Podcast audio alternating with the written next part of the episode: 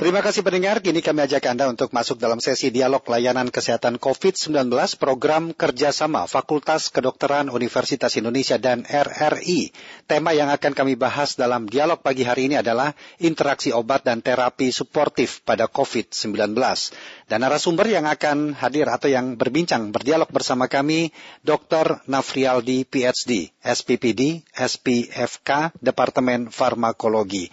Silakan bagi Anda nanti dapat bergabung bersama kami untuk berinteraksi dengan narasumber kami di 021 352 3172, kemudian 021 384 4545 serta 021 386 6712 dan juga dapat melalui WhatsApp kami di 081 399 399 Segera kita mulai dialog layanan kesehatan dengan tema interaksi obat dan terapi suportif pada COVID-19.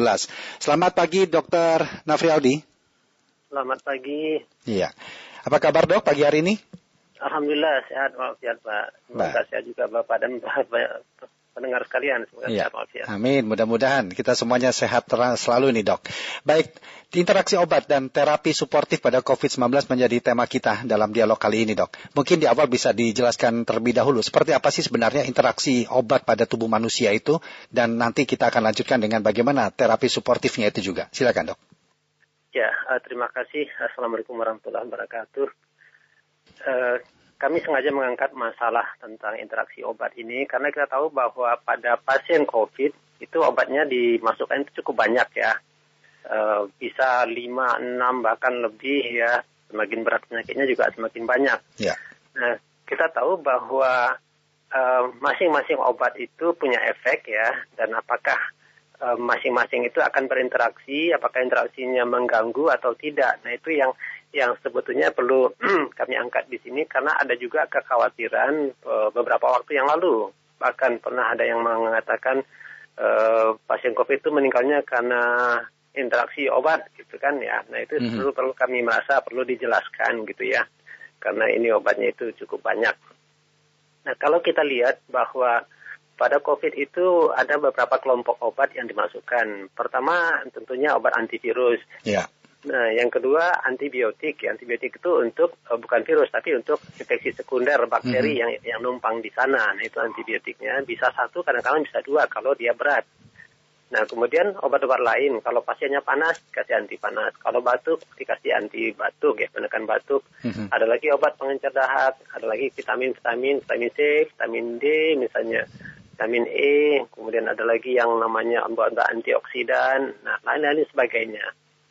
Nah, pada waktu awal-awal uh, kebijakan pemberian obat ya yang disepakati oleh uh, profesi itu uh, cukup banyak obat yang dimasukkan. Nah, makin lama kita makin evaluasi ada obat-obat yang dirasakan tidak terlalu penting dimasukkan pada awal gitu ya. Nah, yang kita bisa catat waktu awal sekali uh, penanganan COVID itu rutin ya, hampir rutin diberikan azitromisin ya. Nah, azitromisin kemudian juga pada waktu itu kita menggunakan obat yang populer untuk anti uh, COVID-nya, ya. uh, chloroquine atau hmm. hidroksikloroquine. Ya. Walaupun sebetulnya dia bukan antivirus. Nah, pada saat itu dua obat ini punya punya potensi interaksi ya, uh, yang kita sebut sebagai uh, gangguan, potensi gangguan ya bukan bukan pasti terjadi, tapi potensi gangguan irama jantung yang bisa dideteksi dengan uh, pemeriksaan uh, elektrokardiogram atau EKG uh, yang istilah perpanjangan uh, interval QT yaitu kita uh, nanti uh, untuk awam tentunya kita tidak mendalami tidak membahas terlalu jauh apa maksudnya itu. Tapi uh, pada intinya kalau sudah terjadi pemanjangan interval QT itu hati-hati ada risiko akan terjadi gangguan irama jantung. Mm-hmm. Nah antara azitromisin dan kloroquine dua-duanya itu potensinya ke arah sana. Jantung itu dok ya? Ya, nah hmm. kalau diberikan berdua tentunya dia akan lebih uh, besar uh, potensinya ya. Hmm. Nah, jadi ya risiko untuk gangguan fungsi jantung. Hmm. Nah, itu dalam hal ini tentunya uh, sudah diketahui bahwa itu potensi itu ada ya. Yeah. Dan pihak profesi itu sudah diingatkan kalau diberikan obat ini dua ini, nah hati-hati harus dipantau EKG-nya secara serial. Nah, kemudian juga kalau pasiennya berisiko, misalnya orang tua yang memang jantungnya sudah tidak sehat, nah sebaiknya jangan diberikan obat ini. Hmm. Nah, itu. Nah, kemudian untung uh, alhamdulillahnya bahwa setelah dievaluasi protokol pemberian obat itu, nah belakangan kan kloroquine itu akhirnya di dilarang tidak dipakai lagi mm-hmm. karena lebih terbukti lebih banyak risiko gangguan irama jantungnya ketimbang manfaatnya ternyata tidak terbukti. Yeah. Nah, sehingga obat itu kloroquine di stop. Nah, tinggallah sekarang uh, azitromisin yang berpotensi. Nah, kemudian ada lagi satu antibiotik yang cukup sering digunakan yaitu levofloxacin. Mm-hmm untuk antibiotik juga. Kalau infeksinya cukup berat, biasanya di, dikombinasi dua antibiotik. Nah, levo itu juga punya interaksi ya, Baik. interaksi uh, yang potensi untuk gangguan irama jantung. Ya. Nah, itu juga yang uh, bisa menambah risiko tadi. Baik. Dokter Nafrialdi, mungkin saya potong sebentar. Kita terima ya. dulu pendengar dok ya, untuk nanti bisa dijawab apa yang ingin disampaikan pada pagi hari ini. Sudah ada Pak Parulian di Sumatera Utara. Selamat pagi Pak Parulian. Ya, Assalamualaikum. Waalaikumsalam warahmatullahi wabarakatuh. Silakan Pak. Bapak narasumber, izin berpendapat setuju penjelasannya tentang interaksi obat. Eh, sekarang ini Pak, pastinya COVID ini secara WHO menganjurkan supaya divaksin ya, baik pertama, kedua, ataupun booster sampai protokol kesehatan ya, 3TM dan 5T gitu.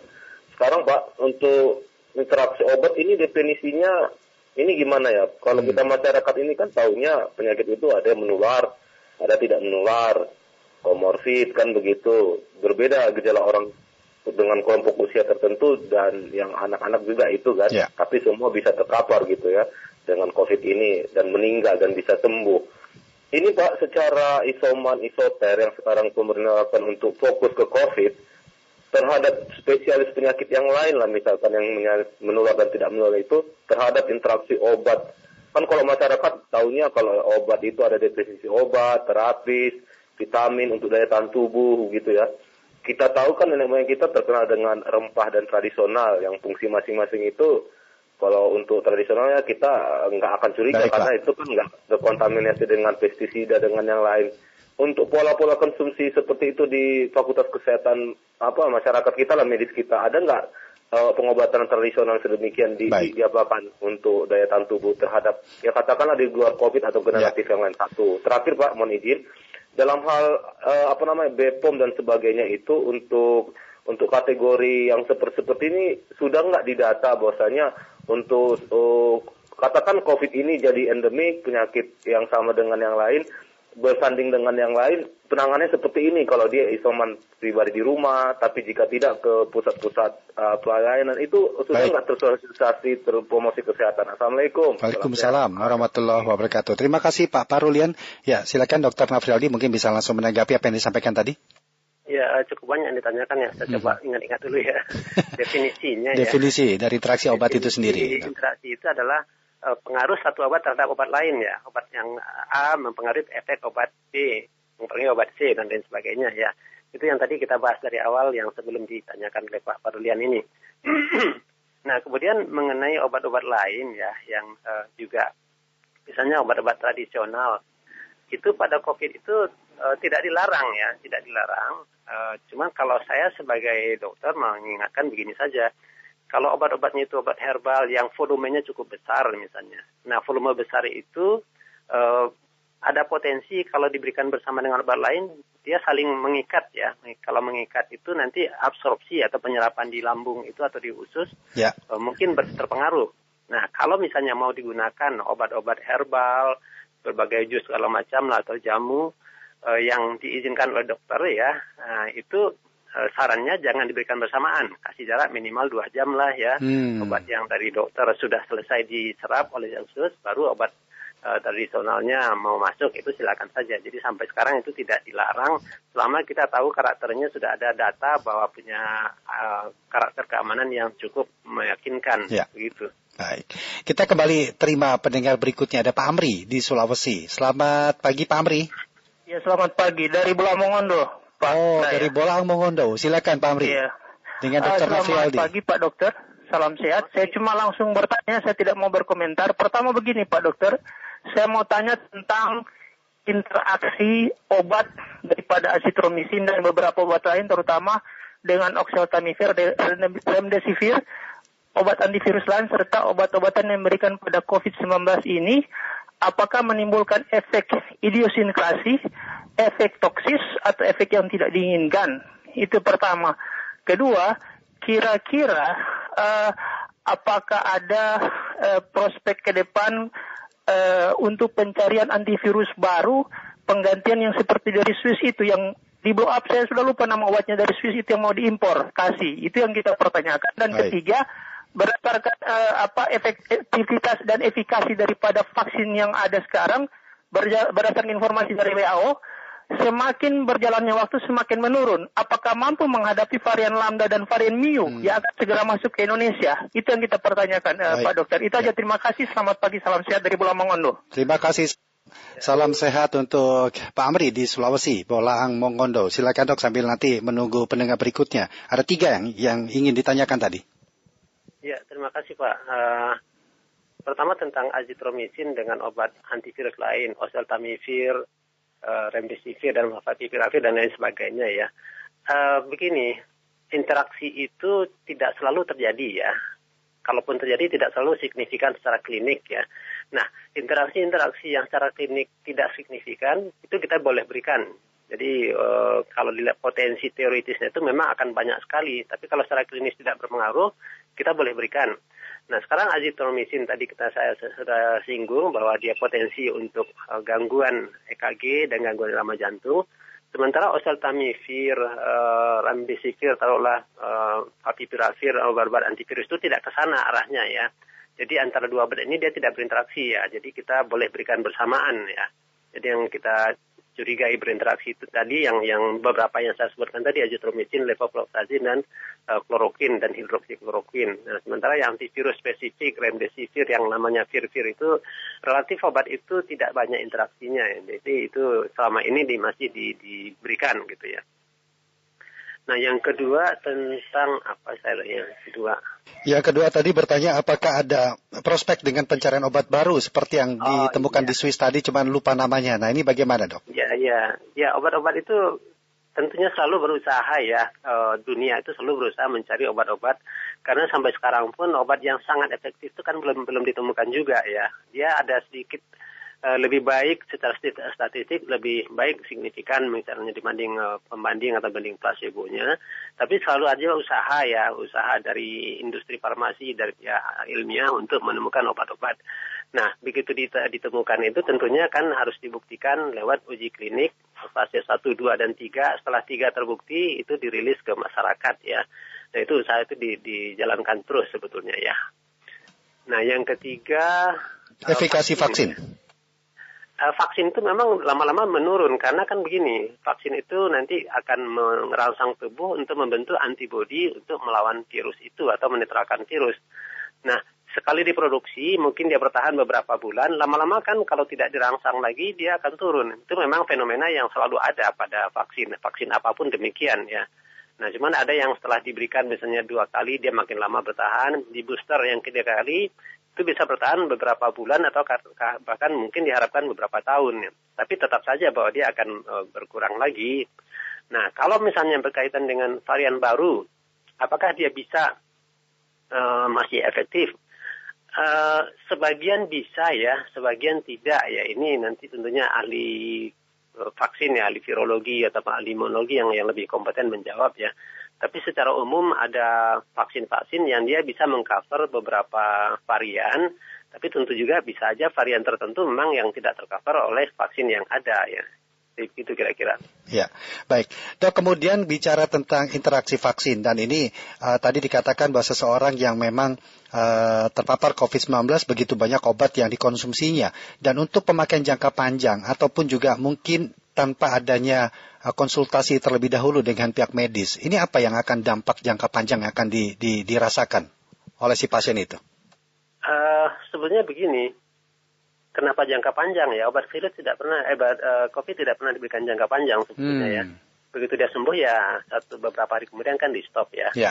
Nah hanya saja kalau pemberian sendiri uh, pemakaian sendiri ada obat-obat yang boleh misalnya diberi konsumsi sendiri misalnya obat panas paracetamol silakan kalau batuk-batuk mau beli OBH silakan tapi obat yang spesifik antibiotik antivirus dan itu tidak dianjurkan uh, dipakai sendiri itu tentunya harus berkonsultasi dengan dokter ya.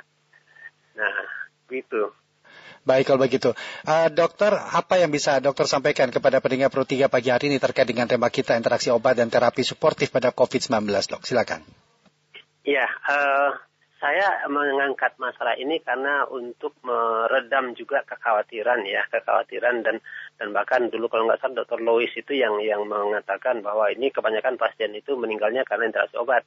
Saya meluruskan aja bahwa walaupun banyak obat, tapi medik itu kan tidak tidak memberikan dengan begitu saja tanpa mengawasi ya, tanpa mengawasi atau tanpa tahu apa yang dia berikan. Justru setiap yang diberikan oleh uh, pihak medik terhadap pasien kita sudah antisipasi ini akan terjadi mungkin, ini akan terjadi mungkin ya itu dia diobservasi ketat. Kalau yang terjadi kemudian misalnya dinilai lagi efek sampingnya lebih banyak dari untungnya itu akhirnya akan di stop ya. Dan itu beberapa di stop, kebanyakan kloroquine di stop azitromisin pada awal pada fase yang sangat dini itu juga di stop ya. Kalau tidak ada bukti anti uh, infeksi sekunder juga antibiotik sekarang juga sudah tidak diberikan secara rutin lagi. Nah itu kewaspadaan itu selalu akan di, dievaluasi oleh uh, pihak medik ya. Jadi begitu. Baik, Dokter Nafrialdi terima kasih dok sudah berbincang dalam dialog pelayanan kesehatan COVID-19 bersama dengan Pro 3 RRI dan mudah-mudahan bermanfaat buat kita semua dok. Selamat pagi, salam sehat. Selamat pagi. Demikian dialog layanan kesehatan yang telah kami hadirkan dengan tema interaksi obat dan terapi suportif pada COVID-19 bersama dengan Nafri, Dr. Nafrialdi, PhD, SPPD, SPFK dari Departemen Farmakologi. Terima kasih pendengar untuk Anda yang telah berpartisipasi dalam dialog kami tadi yang telah menghubungi layanan telepon kami. Demikian dialog layanan kesehatan kerjasama Pro 3 RRI dengan Fakultas Kedokteran Universitas Indonesia. Acara ini bisa Anda dengarkan setiap Senin sampai dengan Jumat pukul 9.30 waktu Indonesia Barat.